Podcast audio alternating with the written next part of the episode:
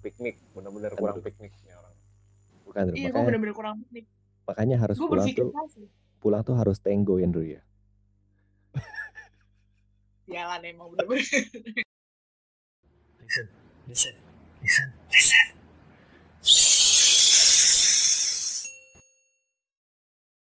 Halo healthy people, balik lagi sama kita. Kayaknya udah lama banget nih kita nggak ketemu dan lagi-lagi ada kita di sini, ada gue Sasa, ada eh, yang hari ini kayaknya kembaran sama gue dan nggak tahu ya, padahal ini nggak sengaja.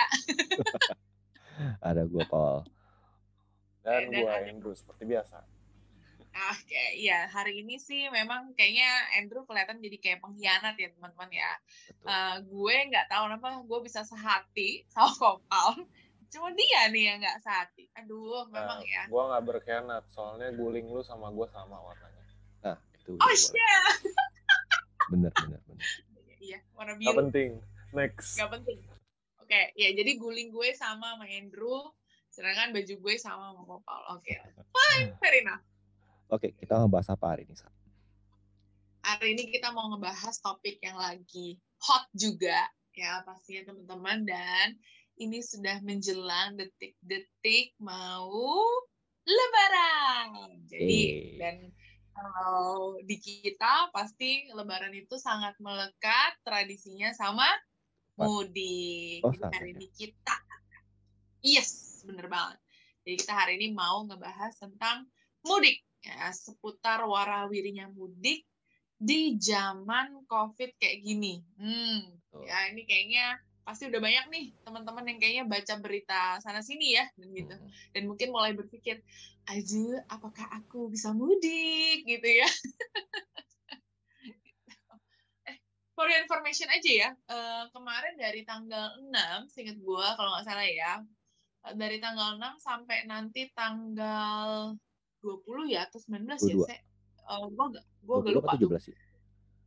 Eh gue agak lupa. Kayak kalau nggak salah eh, apa apa 6 sampai 17 ya Nah, yang kita eh, apa bandara Pelabuhan. terus apa terminal ya mm-mm. terminal sama Pelabuhan. pelabuhan itu ditutup gitu ya tidak beroperasional sementara gitu demi menjaga kalian celah gitu ya nih eh, dan ini ada eh, apa namanya eh, sedikit eh, nggak penting gitu ya eh pen- nggak penting sih memang tapi agak penting juga gimana ya ngomongnya ya jadi kan tanggal 6 sampai nah itulah pokoknya sampai tanggal selanjutnya itu kan eh, di apa maksudnya semua trans, sarana transportasi itu kan di, lagi ditutup sama pemerintah gitu.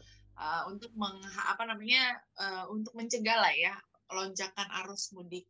Nah, fun fact-nya, jadi eh, atasan gue itu adalah orang Jogja. Jadi dia sebelum sebelum tanggal dan, sebelum tanggal 6 itu eh, dia ada keperluan mendadak lah gitu, misalnya keperluan keluarga lah yang yang mengharuskan dia harus pulang ke Jogja gitu Hmm. setelah itu dia nggak bisa balik ke Jakarta dong maksudnya jadi di di kantor gue kehil kayak anak ayam kehilangan induknya bos gue mana? Gitu. Kok nggak masuk masuk gitu. Gue ditinggalin ini sendirian. Cuman bisa ya masih bisa by phone sih. Cuman maksudnya kayak "Eh, aku bos gue udah eh, apa balik ke kampung halamannya dan nggak bisa balik gitu. Maksudnya nggak bisa balik ke Jakarta gitu. Dan itu so sad dan maksudnya artinya kayak gue merasa bahwa ini nggak main-main loh. Beneran ditutup kayak mungkin kan ada orang yang berpikir bahwa ah apa sih? Paling bercandaan paling sementara paling eh tapi beneran ditutup loh bener-bener nggak bisa balik. Sampai nanti tanggalnya yang ditentukan emang udah dibuka. Eh, menurut gue amazing banget ya. Tegas loh. Luar biasa gitu. Jadi buat kalian-kalian yang lagi mau berpikir mau keluar, think twice. tapi bukannya masih boleh pakai SIKM ya surat izin keluar masuk gitu kan tapi selama dia eh, selama dia PCR kan PCR masih boleh nggak sih PCR masih boleh. Nah, sekarang ada lagi tambahan barunya. Uh, ada tambahan barunya itu adalah sertifikat vaksinasi. Waduh, Gitu. berarti dia sudah berarti sudah harus di full vaksin dulu baru bisa dong. Iya, baru bi- baru bisa. Hmm. Dan yang gue tahu ya, ini mungkin bi- bisa dibilang keuntungan tapi bisa dibilang enggak juga gitu. Ada privilege lah buat kita yang para nakes gitu ya. Kayak misalnya contoh gue. Gue ini eh, apa namanya? Gue punya rumah di eh, di luar planet Mm-mm. ya nggak usah gue sebutin pasti udah langsung tahu dong di luar planet itu di sebelah mana kan ya gitu Namek Nah. gue tahu. gue ada rumah tuh di luar planet nih ya Ah, terus eh, apa namanya kalau misalkan sedangkan kantor gue adanya di Jakarta Barat gitu terus gue ada satu lagi biasanya buat eh, konsul juga biasanya maksudnya kadang-kadang gue suka dipanggil eh, suka dipanggil untuk konsultan ke sana itu di, sa- satu tuh di Bogor gitu Hmm. jadi gue itu literally ujung ke ujung semua nih. Jadi kayak emak gue tinggal di luar planet gitu ya. Eh, guanya kerja di Jakarta Barat dan ada juga yang di Bogor. Jadi kayak ujung-ujung banget ya gitu. Mm. waktu dan informasinya tuh kalau lu nakes dan memang sesuai sama daerah lu bekerja ya lu boleh bolak-balik ke daerah itu. Kan gue jadinya kayak kayak berkeliling tiga kabupaten nih dari kabupaten Bogor terus ke Jakarta terus keluar planet gitu Lagu banget lo. Lu visa udah lengkap belum? Hati-hati lo. apa Visa udah lengkap belum? Ntar kena, kena Oh iya, bener orang juga ya. imigrasi kan. Udah beda iya planet. bener. Nah ini gak serius ya guys. Ini sih gue kemarin udah perpanjang sih itu udah udah gue perpanjang gitu jadi tenang aja gitu. Dan dia Jadi- serius. ya gue selalu bawa ID card gue ke mana-mana tuh mau nggak mau kan. Jadi kalau misalkan gue harus ke sana ya mau kalau misalkan kalau ada pemeriksaan ya gue mau nggak mau harus tunjukin oh ya ini tempat bekerja gue dan gue harus ke sana gitu. Gitu juga eh, sebaliknya kalau ini gue mau pulang gitu. Lo harus tunjukin KTP lu ada di mana gitu bukan berarti apa namanya ya, jadi kayak privilege-nya adalah eh, kalau eh, lu nakes dan lu apa ya lu tinggalnya sama daerah ker- kerja lu itu beda beda wilayah atau beda planet lah ya gitu jadi lu bisa keluar masuk Gitu. Ya. tapi itu hanya berlaku karena kita kerja ya Hmm. bukan karena kita mau bolak balik Nah, Eh, jadi pernah. sekarang lu udah ngerasain eh, dicek-cek gitu sekarang. Harus kasih lihat KTP lah, Jujur. surat lah gitu. jujur nggak pernah Belum ya? jujur nggak pernah ya sejauh selama ini ya selama ini gue belum pernah ketemu sama orang-orang pemeriksaan gitu ya Eh, ada sih yang kayak maksudnya tapi kalau misalkan kan kalau kita lewat tol untuk ke Bogor ataupun keluar planet selalu ada tuh pos-posnya maksudnya selalu ada kayak pos polisinya selalu ada yang siaga gitu tapi gue nggak tahu sih sejauh apa karena apa karena muka gue yang terlalu imut cantik manis dan baik hati ini jadi mereka nggak pernah nanyain gue gitu kan Nah, bagian ini tolong disensor ya kok, bahaya. Mau dihilangin aja Iya. nggak volumenya dulu. Mau dihilangin aja nggak suaranya? Iya itu maksudnya. Pip, pip, Oh, pip, Gitu. itu itu jelas-jelas gue tidak melanggar loh ya gitu pakai jangan sensor emang gimana ya udah terlahir cantik dan udah terlahir seperti ini- ini apa udah ini lah juga. gitu Ini juga disensor berbahaya. Nonton healthy people. Kalau kita bikin mereka jadi unhealthy people, yang salah siapa? oh enggak nggak apa-apa dong pasti semua akan jadi healthy gitu karena ada gue di sini gitu. Tuh, kan Kan dia cari kerjaan. Dia bikin sakit terus dia sembuhin kan. Aduh, bener-bener nih satu. tapi gue belum pernah sih belum pernah gue di misalnya diberhentiin. Tapi gue pernah melihat orang yang diberhentikan. Itu ada orang yang dicek. Kayaknya sih mungkin eh, kalau feeling gue karena waktu itu di dalam mobil itu kayak yang keluar itu ramai banget. Jadi kayaknya lu tau gak sih kayak mobil angkot charteran Oh, angkot iya, yang iya, iya. terus mungkin serombongan atau sekeluarga tuh ya naik di situ. Jadi kayaknya uh, polisinya juga memberhentikan karena melihat kok crowded sekali gitu. Mungkin Hmm. ya gitu gue gue rasa sih tapi itu menurut gue sih wajar ya lu bejubel-jubel di dalam situ yang harusnya cuman berapa orang di dalam situ ya jadi ya menurut gue sih wajar untuk kayak oh pantas saja lu di diberhentiin gitu kalau gue sih belum pernah puji Tuhan haleluya alhamdulillah ya belum Oh. pernah sih Mungkin belum pernah. Gue pikir lu yang ada di angkot itu. memang ya eh gue yang berhentiin angkotnya gitu Oh. bilang. Kan? udah di stop belum gitu gue suruh stop dulu lanjut perjalanannya Tiba-tiba so jadi preman dong dia. eh udah stop belum gitu Baik lagi nih, Sa. Kan kalau yang sudah divaksin dan sudah menerima sertifikat itu berarti sudah boleh. Bagaimana kalau misalkan dia baru divaksin sekali? Kan dia ada jeda waktu Nah kan. itu, ya Nah. ya benar. Sekarang kan eh, kita dapat dua, dua vaksin ya. Sinovac sama AstraZeneca. ya kan? AstraZeneca Nah, betul Astra Hmm. kalau si Sinovac itu kan eh, 2 sampai 4 4 minggu kan untuk vaksin lanjutannya. betul empat minggu ya Sementara kurang lebih satu bulan betul si sementara si AstraZeneca ini kan 8 sampai 12 minggu. betul Sekarang 8 sampai gimana 12 minggu cepat gimana mereka yang baru vaksin sekali ya kan dan mereka sudah PCR apa mereka boleh?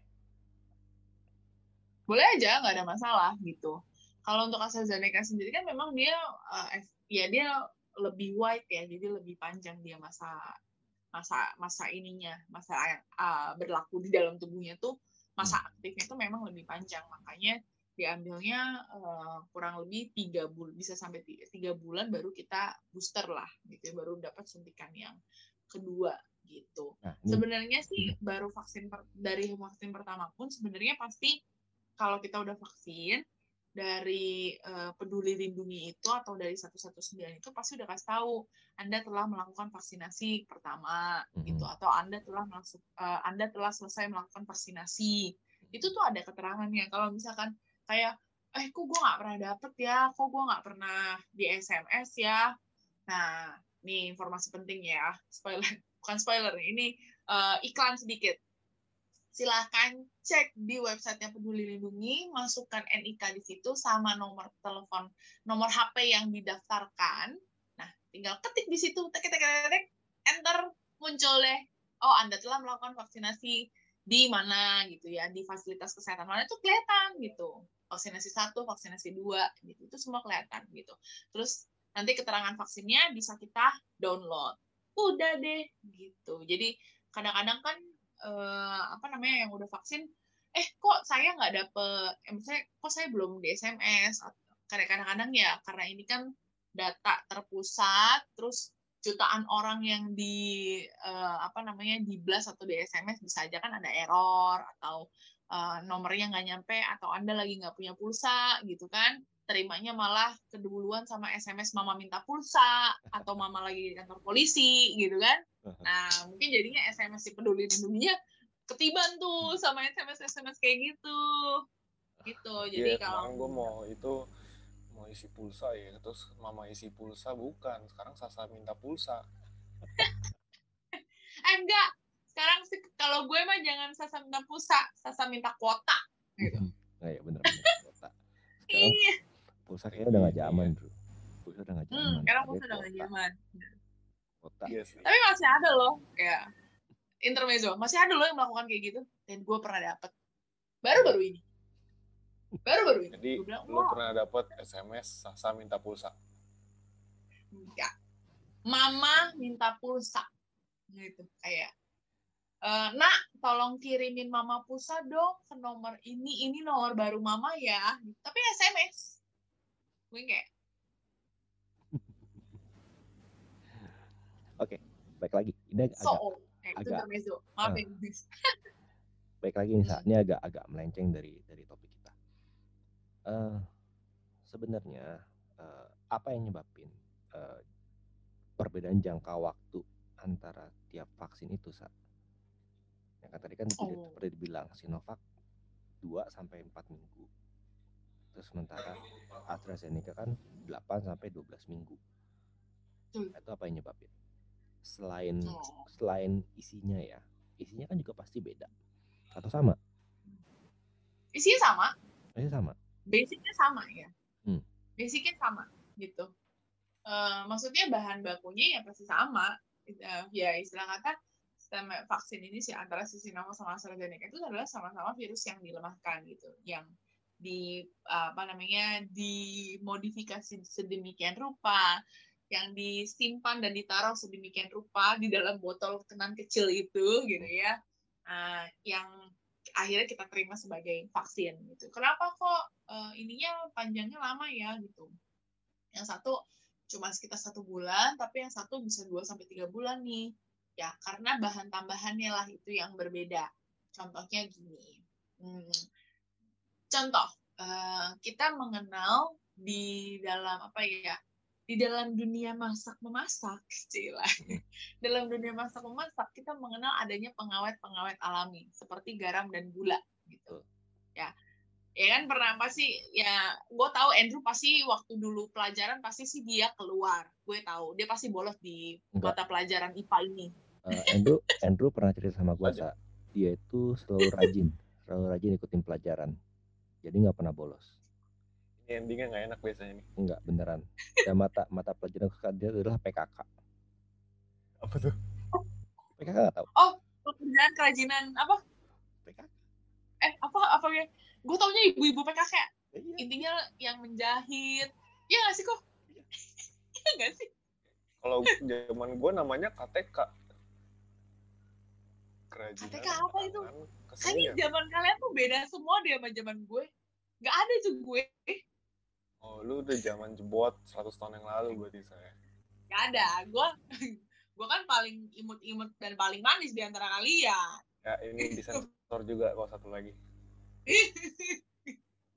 oh, El, balik. Ya, jadi kan eh, ibarat, ya maksud gue kasih analoginya bahwa kalau misalnya eh, ibarat ikan deh, ya kan, ikan yang biasa sama ikan yang lu di, yang dijadiin ikan asin kan Hmm, lebih awet bisa disimpan lama si ikan asin, bener nggak? Betul. Ya kan? Atau kayak misalnya diasapkan gitu ya, teknik pengasapan gitu. Maksudnya diawetkannya jadi dia bisa lama. Nah, nah sama nih si vaksin ini kalau Sinovac eh, yang yang ngebawa dia nih, yang membuat dia jadi awet itu eh, cuman punya istilah kata baterainya ya cuman tahan di satu bulan. Sedangkan si AstraZeneca ini ya eh, si pengawetnya ini pengawet yang membawa ke dalam tubuh ya itu bisa bertahannya lebih lama gitu. Ibarat kata kalau Sinovac itu eh, istilah kata ikan biasa kalau si eh, apa namanya AstraZeneca ini ikan yang sudah eh, melalui proses pengawetan. Nah gitu. Jadi makanya dia bisa bertahan lebih lama. Kurang lebih sih biar gampang analoginya kayak gitu. Pasti nanti akan jadi muncul pertanyaan jadi mendingan yang mana?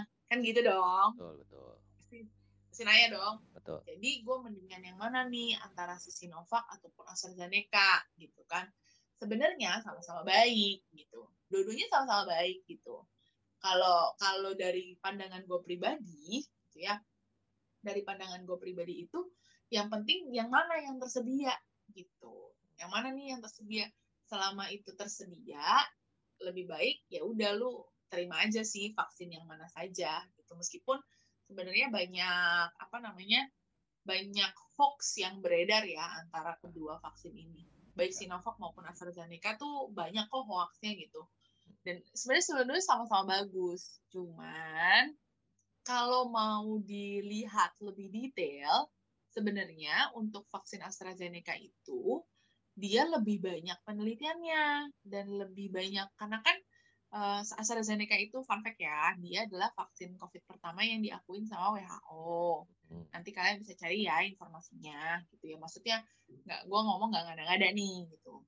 Terus uh, AstraZeneca itu dipakainya itu banyak di, di UK negara-negara Eropa gitu ya Australia gitu ya.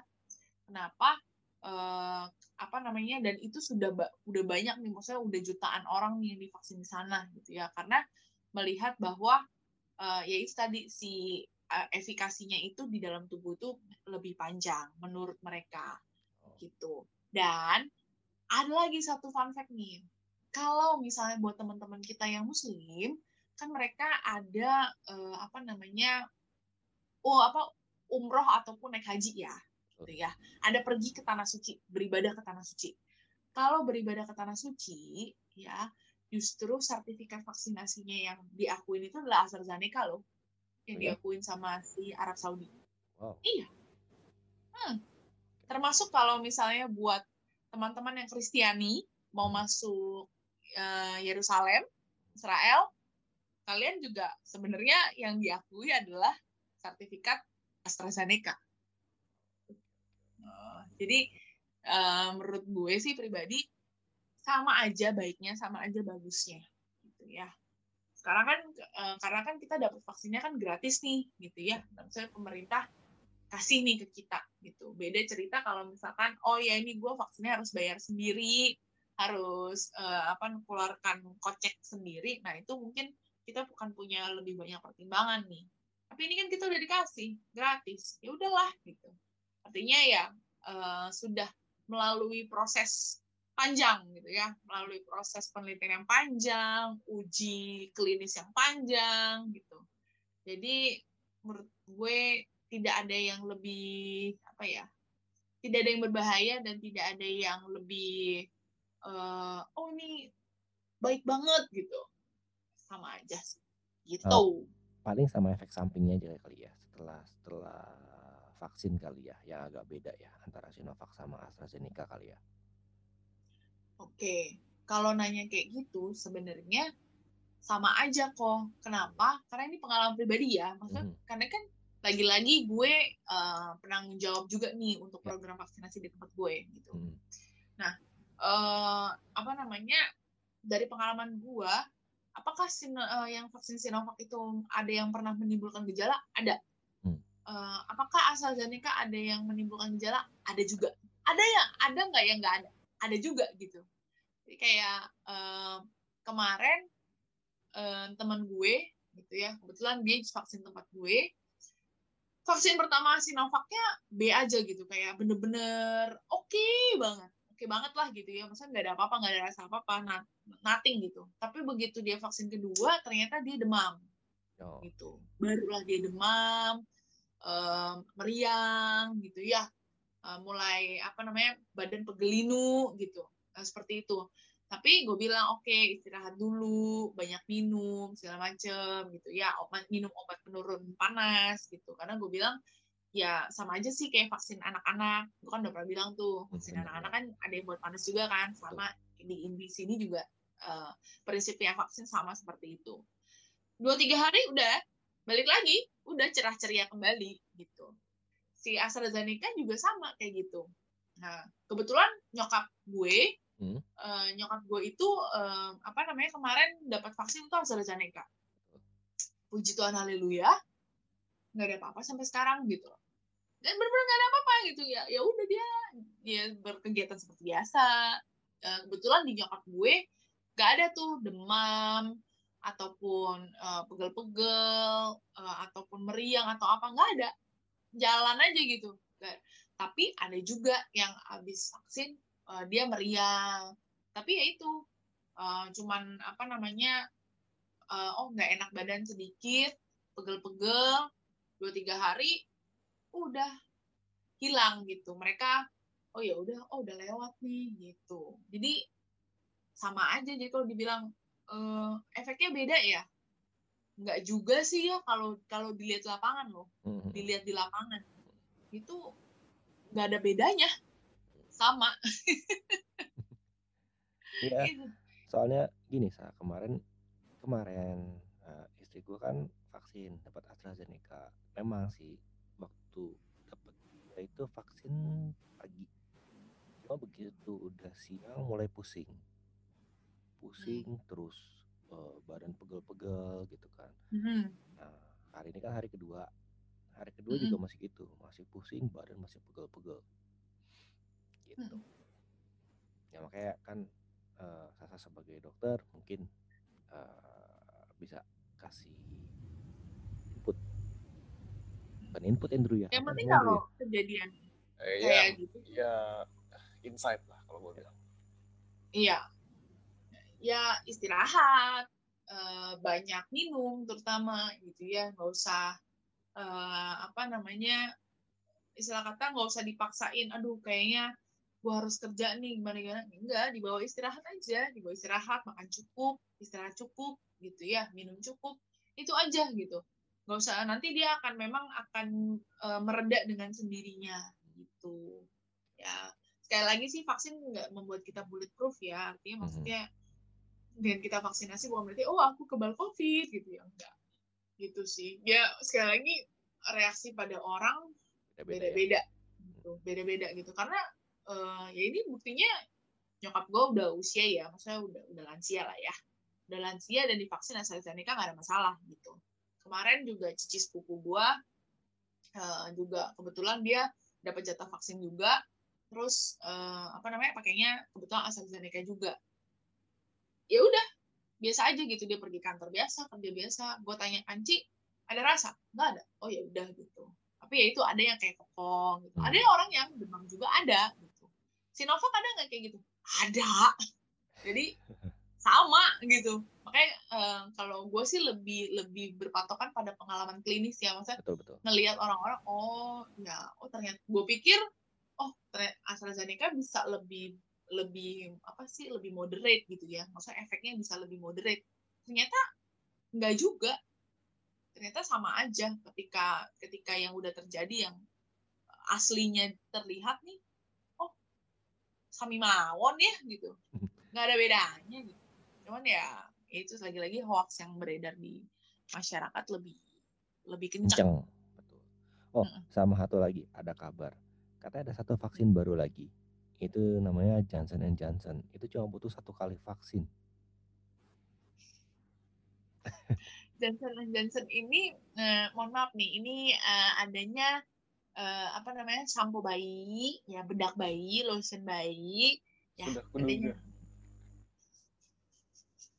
eh saya ngomong-ngomong eh gue kan belum browsing nih. Kalau kita vaksinnya beda jenis nggak bisa dong. Vaksin pertama sama Oh, kedua harus sama-sama.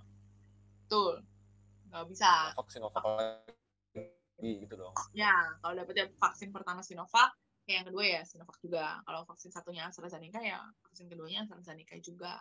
Itu nggak bisa. alasannya apa tuh kalau dari dunia kedokteran?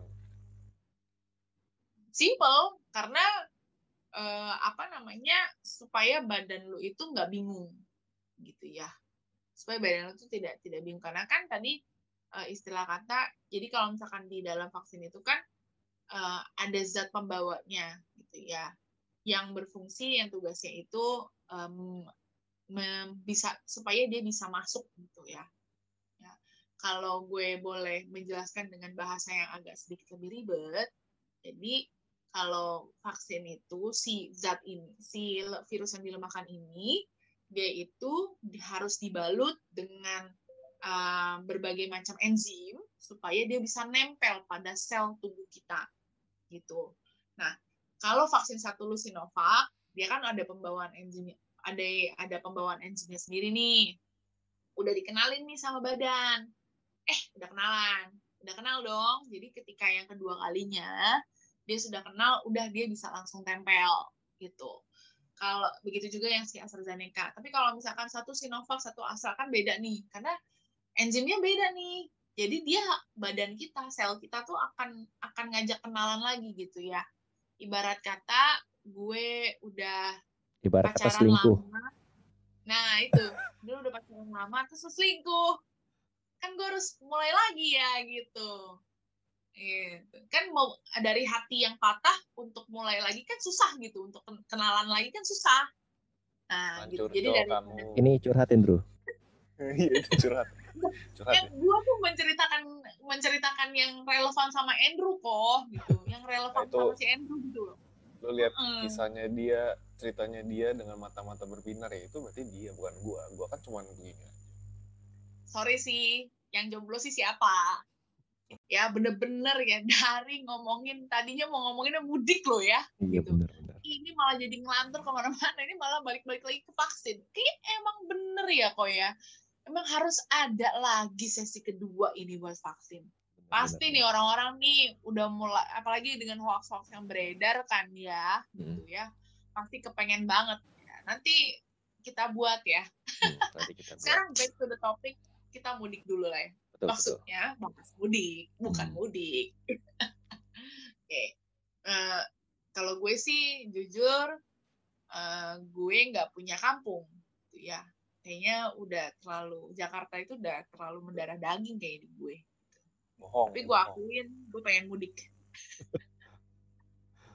Mudik ke mana kak? sebenarnya sih eh, tepatnya gue butuh piknik ya Oh, kurang piknik. gue iya Sebenarnya sih Pengen. kalau mau ke piknik ada lah Sa. itu di Jakarta kan restoran banyak Benar-benar ada ada di ada tuh. Ada Andrew ya Jakarta Barat Andrew. Piknik. Dia Ada. dia nggak mudeng dia nggak mudeng jelasin kok aduh gue tunggu tunggu. Ini apa karena emang udah malam ya? Gitu. Eh, coba diulang. Ada ada tempat makan Andrew. Ya. Ada di salah satu eh, tempat di Jakarta Barat Andrew ya. Ya kan ada. Ada piknik. piknik. Masih nggak mudeng. Dia masih nggak mudeng. Eh, bukan Drew, kurang piknik. Benar-benar Kan kurang dulu. pikniknya orang. Bukan Drew. iya gue Makanya bener-bener kurang piknik makanya harus gue pulang tuh keras sih pulang tuh harus tenggo Andrew ya. jalan emang bener-bener sumpah lu nggak gua tahu itu piknik ya emang ada tempat namanya piknik beneran Ada. Eh, gue nggak tahu Tunjukin Drew. emang iya jangan bilang ntar Oh, iya. rumah lo gitu enggak lah ya Enggak enggak beneran beneran. Google aja beneran, Beneran. ada This is true, this is true. Ada tempatnya itu bukan dibilang bukan mall Andrew ya, tapi tempatnya itu pas di depan salah satu mall di Jakarta Barat. dekat sekali sama rumah gua. Betul. Ada, itu tempat-tempat makan, tempat makan tuh. Dan ya gila ketahuan banget gue bukan anak mall. Gue nggak pernah ke mall jir itu bukan mall, itu Gila, bukan mall, corona. Itu bukan bukan mall Andrew ya. Ya dibilang mall juga enggak nggak dibilang mall juga enggak enggak juga sih Ya gitu enggak, kan bukan bukan mall, bukan mall. Eh, yang jelas maksud- tulisannya bukan piknik Ya, tapi dibaca piknik baca piknik. Nanti cari aja ya. Oke, balik lagi. nah, gue bener-bener butuh piknik ya, kayaknya Baik lagi. Oke. Eh, jadi eh, memang kalau dipikir-pikir eh, dibilang kalau kalau dulu-dulu kan mudik itu kan memang satu keharusan ya.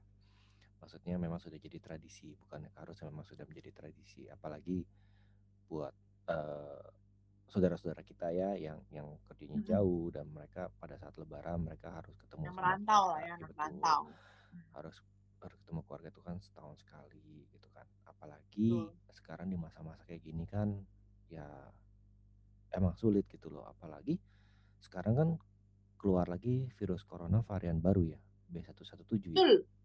Nah, Mm-mm. yang Nah, yang itu kan yang dari apa? India.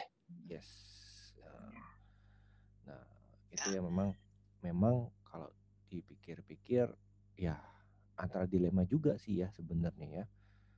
Ya kan jadi ya mereka harus harus apa dibilangnya? Ya harus stay sebenarnya sih bukan pilihan sulit ya. Maksudnya gini coba kalau misalnya coba berpikirnya kayak gini. Kalau misalnya saya pergi maksudnya pergi mudik gitu ya pergi pulang gitu ke rumah ke tempat yang jauh gitu ya eh, lu dari dari suatu tempat lu habis berkerumunan berkerumunan lah ya sama orang. Contoh gini lah eh, yang apa namanya kayak kendaraan umum lah. Lu naik kereta naik bus apa pun itu kan lu eh, berdesak-desakan berjubel-jubel sama orang gitu ya. Lu nggak tahu kan mereka itu maksudnya sakit apa eh, punya riwayat apa segala macam kan lu nggak tahu gitu. Lu bersentuhan dan berkerumun dengan mereka. Anggap lu bersih tapi belum tentu orang lain bersih juga. Kita nggak tahu. Nempel lah di lu nih si virus. Lu pulang ke rumah ketemu dengan orang tua yang usianya sudah lanjut gitu ya orang yang sudah berusia lanjut kan daya tahan tubuhnya otomatis beda sama kita yang masih unyu-unyu ini gitu kan. Lagi. Eh, iya loh, emang masih unyu-unyu gitu. Dan sekarang kalau lu eh, tiba-tiba ka- karena kepulangan lu malah membuat orang tua lu itu menjadi sakit gitu ya, itu karena lu nanti lu akan merasa bersalah seumur hidup lu. Gue ada cerita, jadi ini teman teman deket gue, dia kebetulan dokter juga gitu ya, eh, cewek single sih dulu gitu. Ah,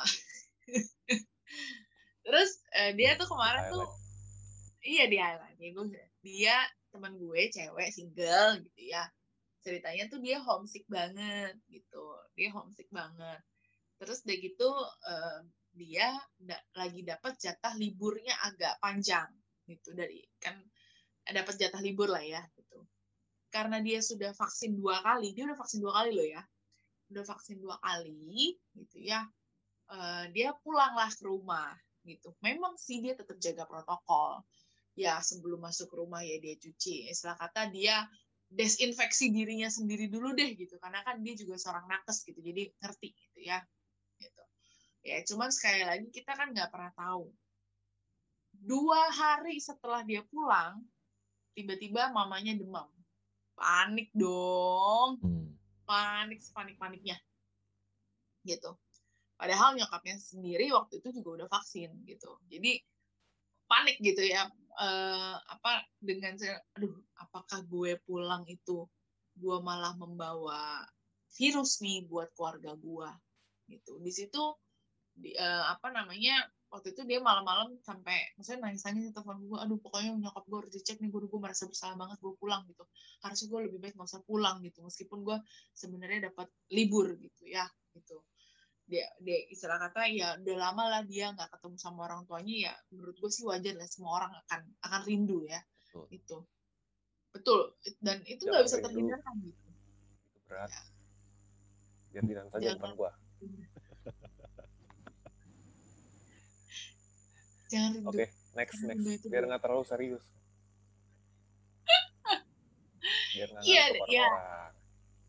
well untungnya eh, jujur gitu ya eh, memang sih si nyokapnya ini eh, apa namanya waktu itu memang pada untungnya jadi di di antigen itu dia positif tapi setelah di PCR dia negatif gitu ya untungnya juga nyokapnya sih waktu itu juga udah vaksin juga. Jadi gejalanya bukan gejala yang sampai berat banget sih enggak gitu ya. Gue bersyukur artinya dia bilang aduh gue bersyukur banget ya nyokap udah dapet vaksin. Maksudnya dia juga vaksin cuman dia eh, bener-bener kayaknya mungkin protokol dia merasa bahwa kayak gue bersalah banget nih. Kayaknya gue kalau misalkan pulang ke rumah protokol gue harus lebih ketat gitu ya. Apa yang harus gue bersihkan dari dari luar lah kasarnya dia bilang kemarin seperti itu. Kasarnya kita nah itu kejadian yang istilah kata kebetulan ada di kota besar terus lu eh, sudah dapat fasilitas lu udah dapat perlindungan lah gitu. Minimal dengan lu vaksin tersebut.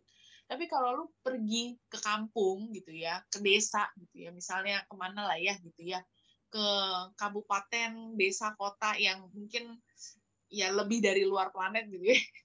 Maksudnya ka- kan biasanya kan orang eh, orang tua orang tua yang eh, jadul itu kan memang cenderung ada di kota-kota kecil gitu ya yang memang eh, jangkauannya itu lebih dalam gitu ya. Mungkin terminalnya agak jauh. Itu kata lebih sulit lah untuk dijangkau. Mereka kan fasilitas kesehatannya lebih minim dong ya kan? Belum tentu juga mereka dapat maksudnya sudah dapatkan vaksinasi ya belum tentu kita nggak tahu gitu. Terus kita pulang kita nggak tahu kita bawa apa orang tua kita belum divaksin atau keluarga yang lain di rumah belum divaksin terus lu pulang udah kotor gitu kasarnya gitu. Dan kalau mereka sakit salah siapa? Yang bawa siapa? Gitu. itu yang harus menurut gue tuh kayak coba lalu pikir think twice nih gitu ya. Bukannya berarti kalau enggak mama bapak gue sih udah udah vaksin jadi ya apa namanya gue yakin mereka nggak akan ketularan gitu. Nggak gitu coy. Kan tadi seperti yang gue bilang ya lu naik kendaraan umum itu lu ya apa istilah kata rame gitu ya. Rame nih lu berkerumun dengan orang yang nggak tahu. Gitu. Itu yang eh, ya nggak ada nggak ada yang punya jaminan kan gitu. Dan- sekali lagi kan juga ada istilah efikasi kan dari hmm. Gitu. Diri berarti Jadi kan memang- 100% kebal dong gitu kan. tepat. Nggak 100% kebal gitu lah tapi memang sangat membantu iya. Tapi nggak nggak menjadikan kita kebal. Dan ternyata masih hanya banyak orang meminimalisir Oh. kali ya. betul minimalisir tepat sekali gitu ya sebenarnya kalau maksudnya kalau misal, kalau misalnya vaksin ini eh, efektif maksimal lah ya gitu ya apalagi kalau misalkan kita udah dapat herd immunity ya itu luar biasa banget gitu ya mudah-mudahan kita bisa dapat menujunya kan ke sana Hmm. gitu. Kali vaksinasi itu ya 60 ambil 70 persen lah gitu ya. Jadi maksudnya lu masih ada chance nih, meskipun lu udah misalnya lu udah terlindungi, ibarat kata uh, let, let's say lu udah bisa terlindungi 70 persen gitu ya. Tapi lu masih punya 30 persen ya kan? Gitu. Kalau dalam perlindungan uh, vaksinasi itu sebenarnya 30 persen itu adalah gap yang sebenarnya gede. Gitu. Sebenarnya gede loh. Itu gap yang sebenarnya sangat sangat besar gitu dan itu masih ada chance gitu. Ini gue ngebayanginnya kayak pakai payung aja nih. Ibaratnya 70% Iya. badan lu nggak kenapa-napa gitu kan. True. Lu cuma baru pakai payung doang, belum pakai eh, apa namanya armornya armor suitnya Iron Man, belum. Belum pakai Jarvis. Tapi luar biasa. Itu film action baru sa. Eh tapi banyak orang yang masih jujur masih menolak vaksin loh. Ya, Masih masih menolak. Eh, fun fact baru aja tadi baru tadi kejadian tadi siang itu gue ditolak. Hmm, aku sedih. Alasannya kenapa apa? biasanya? Sa? nggak percaya. Jadi eh, jujur gini, kalau di tempat gua gitu ya. Jadi kan kadang-kadang kan kita kan ada kita kan maksudnya ada jam pelayanan ya, Hmm. ya.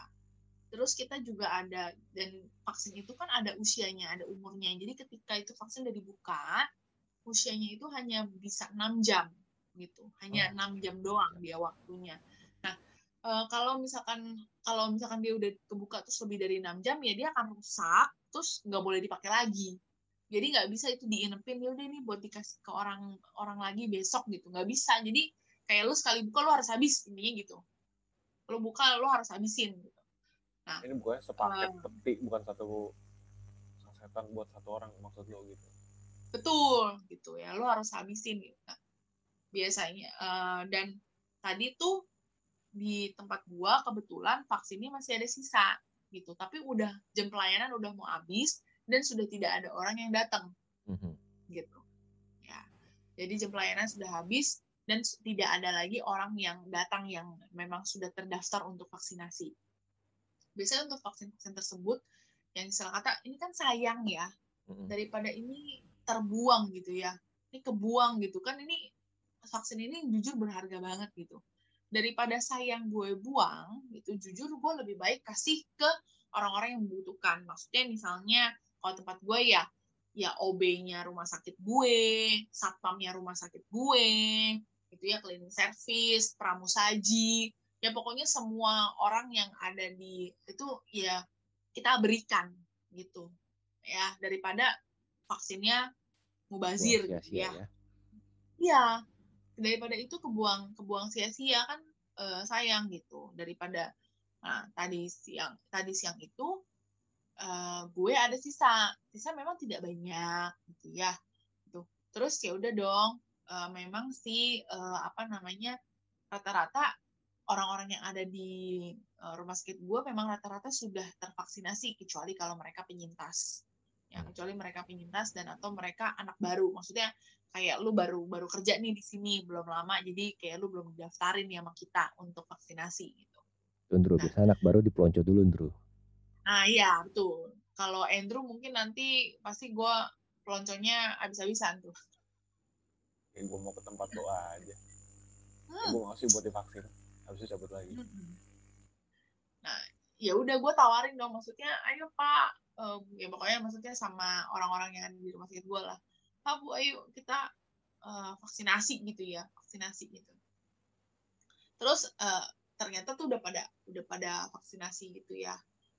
Gue jujur desperate gitu maksudnya desperate untuk ngabisin sisa vaksin ini gitu. Maksudnya sayang banget vaksinnya gitu. Kalau kebuang tuh gimana gitu lebih baik tuh karena kan pemerintah kepengennya yuk kita herd immunity bersama-sama gitu ya. Mm-mm. herd immunity itu bersama-sama. Sama udah coba gue hubungin orang-orang yang memang udah terdaftar di vaksin udah dijapriin diteleponin. Nah, nah tadi seben tadi adalah gue. Semacam random karena udah saking desperate-nya. Random eh, apa namanya kayak eh, apa kayak orang-orang yang kurir. Nah kurir yang ngantar barang ke rumah sakit gue gitu ya. Kurir barang lah kurir apa vendor-vendor obat lah ya pokoknya kurir lah ya gitu ya. Nah gue bilang gue tanya ini pak udah vaksin belum? Gitu. "Eh, belum. Bapak mau vaksin nggak? Nggak apa-apa yuk pak vaksin. Mumpung ada nih vaksinnya. Gue random nih gue Mm. tawarkan kayak gitu random banget gitu. Terus dia bilang nggak usah saya nggak mau. Kenapa? gitu. Saya takut gitu. Terus security gue bilang ini kami semua di security security di sini juga divaksin kok pak. Nggak apa-apa gitu. Sama dokter Sasa aman kok pak gitu. Buktinya kami di sini baik-baik aja gitu. Satpam gue sampai ngomong kayak gitu gitu. Terus dia bilang enggak nggak usah saya nggak percaya sama vaksin. Oh, oke. Ya udah aku mundur. Wow ternyata masih masih dan itu waktu tadi tuh gue random banget gue ketemu tiga orang kurir gitu yang kayak ya udahlah gitu kan. Eh apa dan gue tanya sama mereka dan tiga tiga bilang saya nggak mau saya nggak percaya. Satu bilang satu saya nggak percaya vaksin. Dua eh, saya nggak mau vaksin saya takut gitu ya. Terus satu lagi apa? gitu gue lupa gitu ya. Ya udahlah gitu well in the end sih akhirnya kebetulan eh, ada satpam yang baru masuk tuh. Maksudnya dia baru kerja. Akhirnya bisa lah kita berikan ke dia gitu. Cuman dari is random itu ternyata orang-orang tuh masih masih ternyata masih banyak yang they don't believe it gitu. They don't believe it. Maybe covid is exist or ya they don't believe it in vaksin gitu kayak ya udah gue nggak percaya vaksin atau yang mengatakan bahwa oh vaksin itu apa haram atau apa pun gitu ya itu Atau mungkin karena Iya, mereka gitu. takut, takut mungkin karena kan hoaxnya kan kenceng banget tuh. Iya, betul. Mungkin juga itu hoaxnya karena saking kencang ya. Menurut gue daripada berita positifnya lebih banyak berita negatifnya. Jujur aja gitu. Kan biasa kan gitu. Dan Sa. Kalau iya. negatif itu gampang dilihat, sementara kalau positif tuh susah banget gitu loh. Walaupun sudah sudah sepositif apa sepositif positif tetap aja kurang. kurang betul betul betul setuju. bahasanya ya kok ya Mm-mm. Hal-hal negatif lebih mudah untuk di Ingat. ya itu. Iya, lebih mudah untuk diingat. Makanya yang mudik ini pun berita-berita lebih banyak berita negatifnya menurut gue eh, dibandingkan berita positifnya.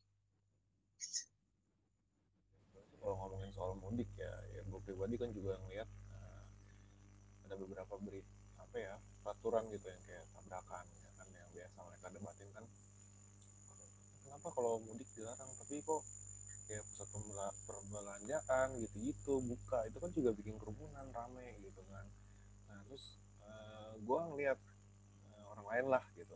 Yang bikin kayak- ya, podcast juga gitu kan. Salah satu dokter yang pernah nongol di podcast terkenal. Aku tau lah siapa gitu kan. Nah yang ngomongnya nyablak juga gitu kan. Terus dia bilang "Eh, ya udah ini sebenarnya kayak pemerintah tuh serba salah kata dia gitu loh. Lu maju ketabrak lu mundur ketabrak juga gitu. Istilahnya kena marah dua-duanya gitu loh diem Hmm. apalagi gitu kan. Jadi eh, kenapa ya? Kalau mundur ketabrak udah jelas. Kalau lu nggak bikin eh, ini kalau lu nggak bikin aturan larangan mudik ter kalau ada lonjakan angka diprotes biasa kan? lain pemerintah. ya lain pemerintah. Cuman kalau dibikin dia protesnya yang kayak tadi gitu kan. Mm-mm. nah cuman kan kalau udah bikin ya kita bisa bilang ya kita kan udah ngelarang udah menghimbau untuk tidak melakukan hal itu gitu kalau dari situ gua ngeliat aturan yang tabrakan itu jadinya ya buat make, make sense lah gitu loh buat gua. Gitu. Meskipun sih ya pro kontra ya. Ya pasti pasti ada pro kontra di antara peraturan itu pasti ada pro kontra. Betul setuju. Tergantung Betul. tergantung kita lihat. Tergantung dari mana lo mau melihat yes. gitu. Mm-mm. Mm. tapi kalau menurut gue eh, kalau memang kalau gue ya kalau kalau if I were if I were the government gitu kalau gue jadi pemerintahnya jujur gue akan diam gue akan membiarkan masyarakat melakukan apa yang mereka suka gitu Eh, kalau pernah dengar eh, zaman dahulu kala gue lupa ya antara di Prancis atau di eh, di UK gitu dulu kan Prancis sama UK itu eh, stadion bolanya, stadion bolanya itu eh, apa? Sama kayak kita. Jadi kan ada ada pagar tinggi gitu loh. Mhm. Ada pagar-pagar tinggi.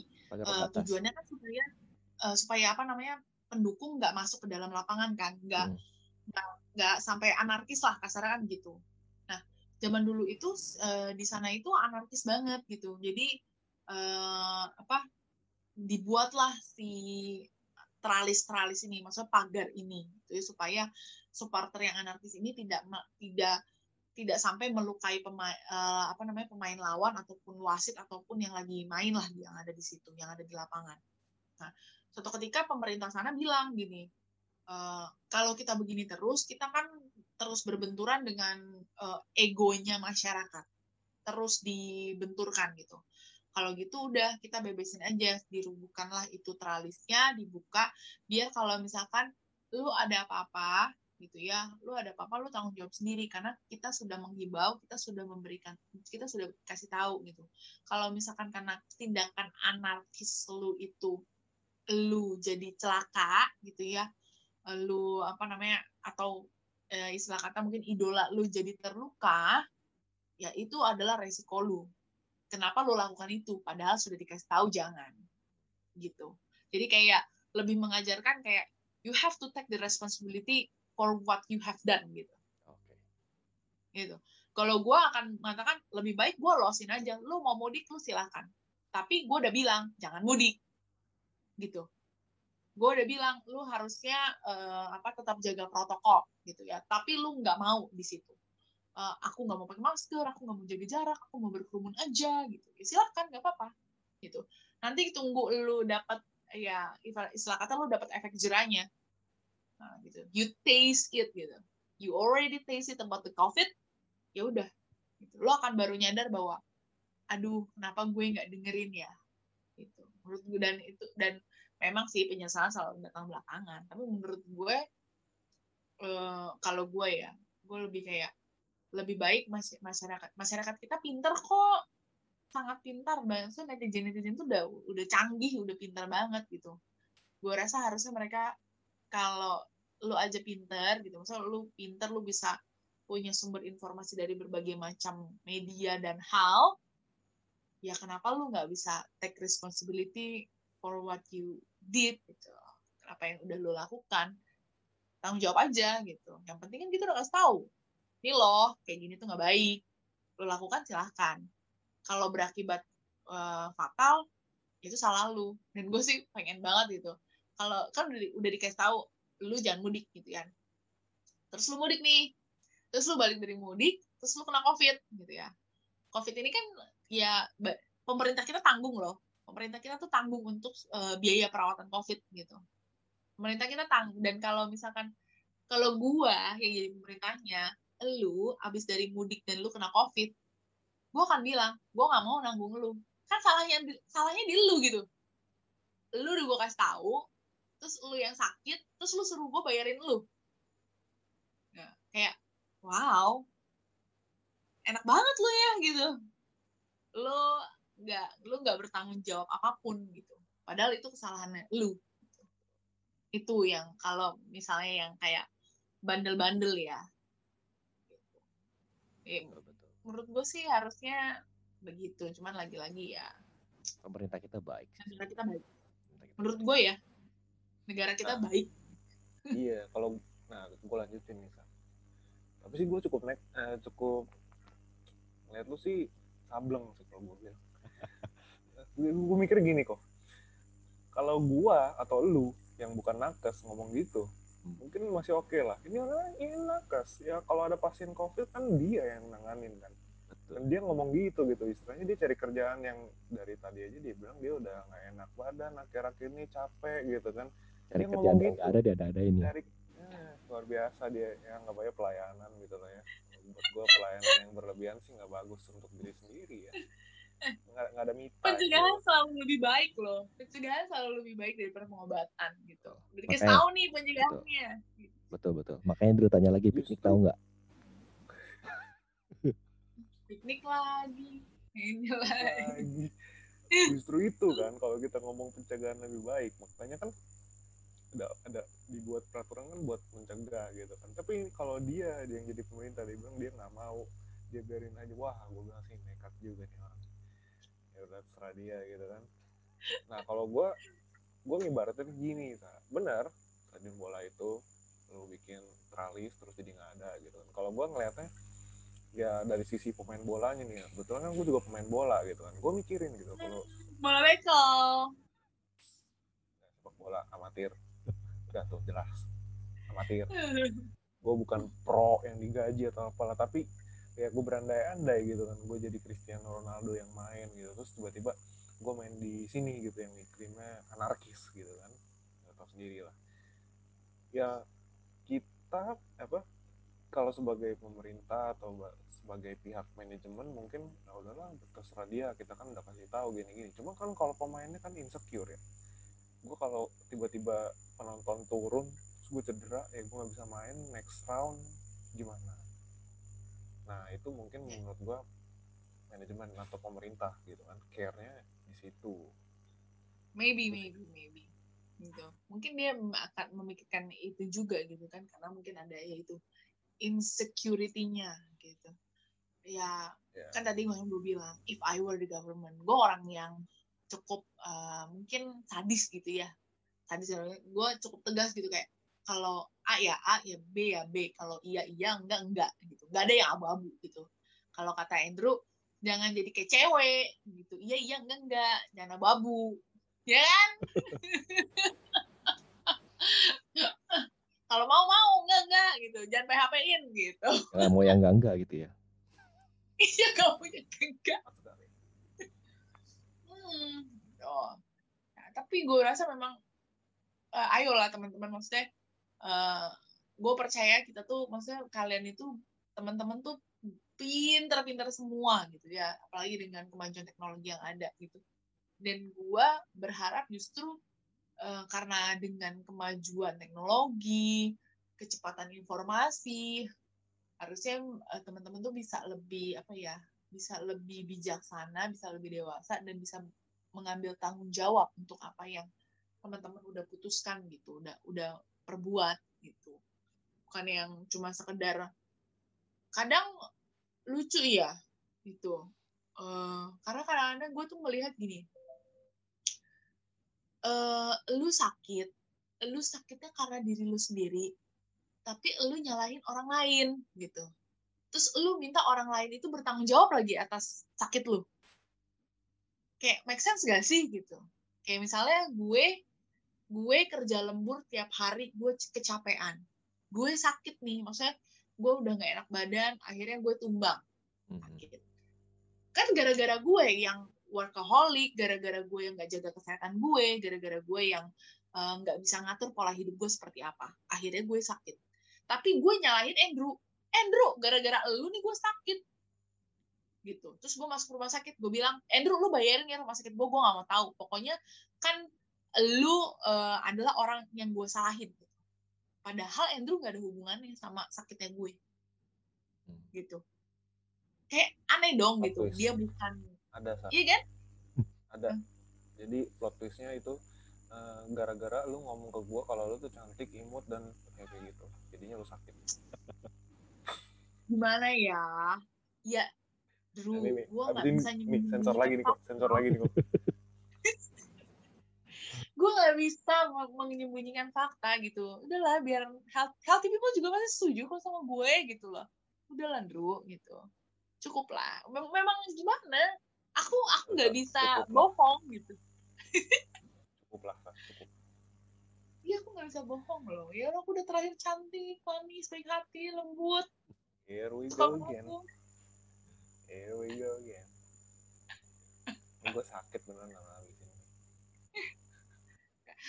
Nggak apa-apa, sakit silahkan berobat ke saya. Tuh kan, dia cari kerjaan lagi. Seneng dia kalau ada pasien baru.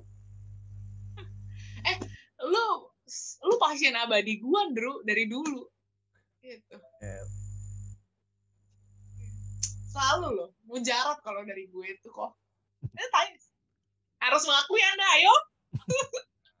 kalau soal ini ya, ya sedikit testimoni. Ini orang kalau ngasih obat ke gue rata-rata mujarab sih. Sampai gue bilang, Sa, lu berbakat ya jadi dokter ya. Dengan nada Jangan sinis. ada bener-bener. Dengan nada sinis kok. Hmm. Jadi bukan juga bukan memuji secara langsung. Terlalu emang. Ah. Itulah. Ya, jadi itulah eh, serba-serbi kita about eh, mudik yang ngalor ngidul. Mm-mm. ya juga vaksinasi. Eh, kayaknya nanti kita akan teman-teman harus stay tune karena kita akan punya sesi lain untuk kita ngebahas vaksinasi jilid 2 gitu. Vaksin jilid 2 kayak ini emang butuh sih gitu.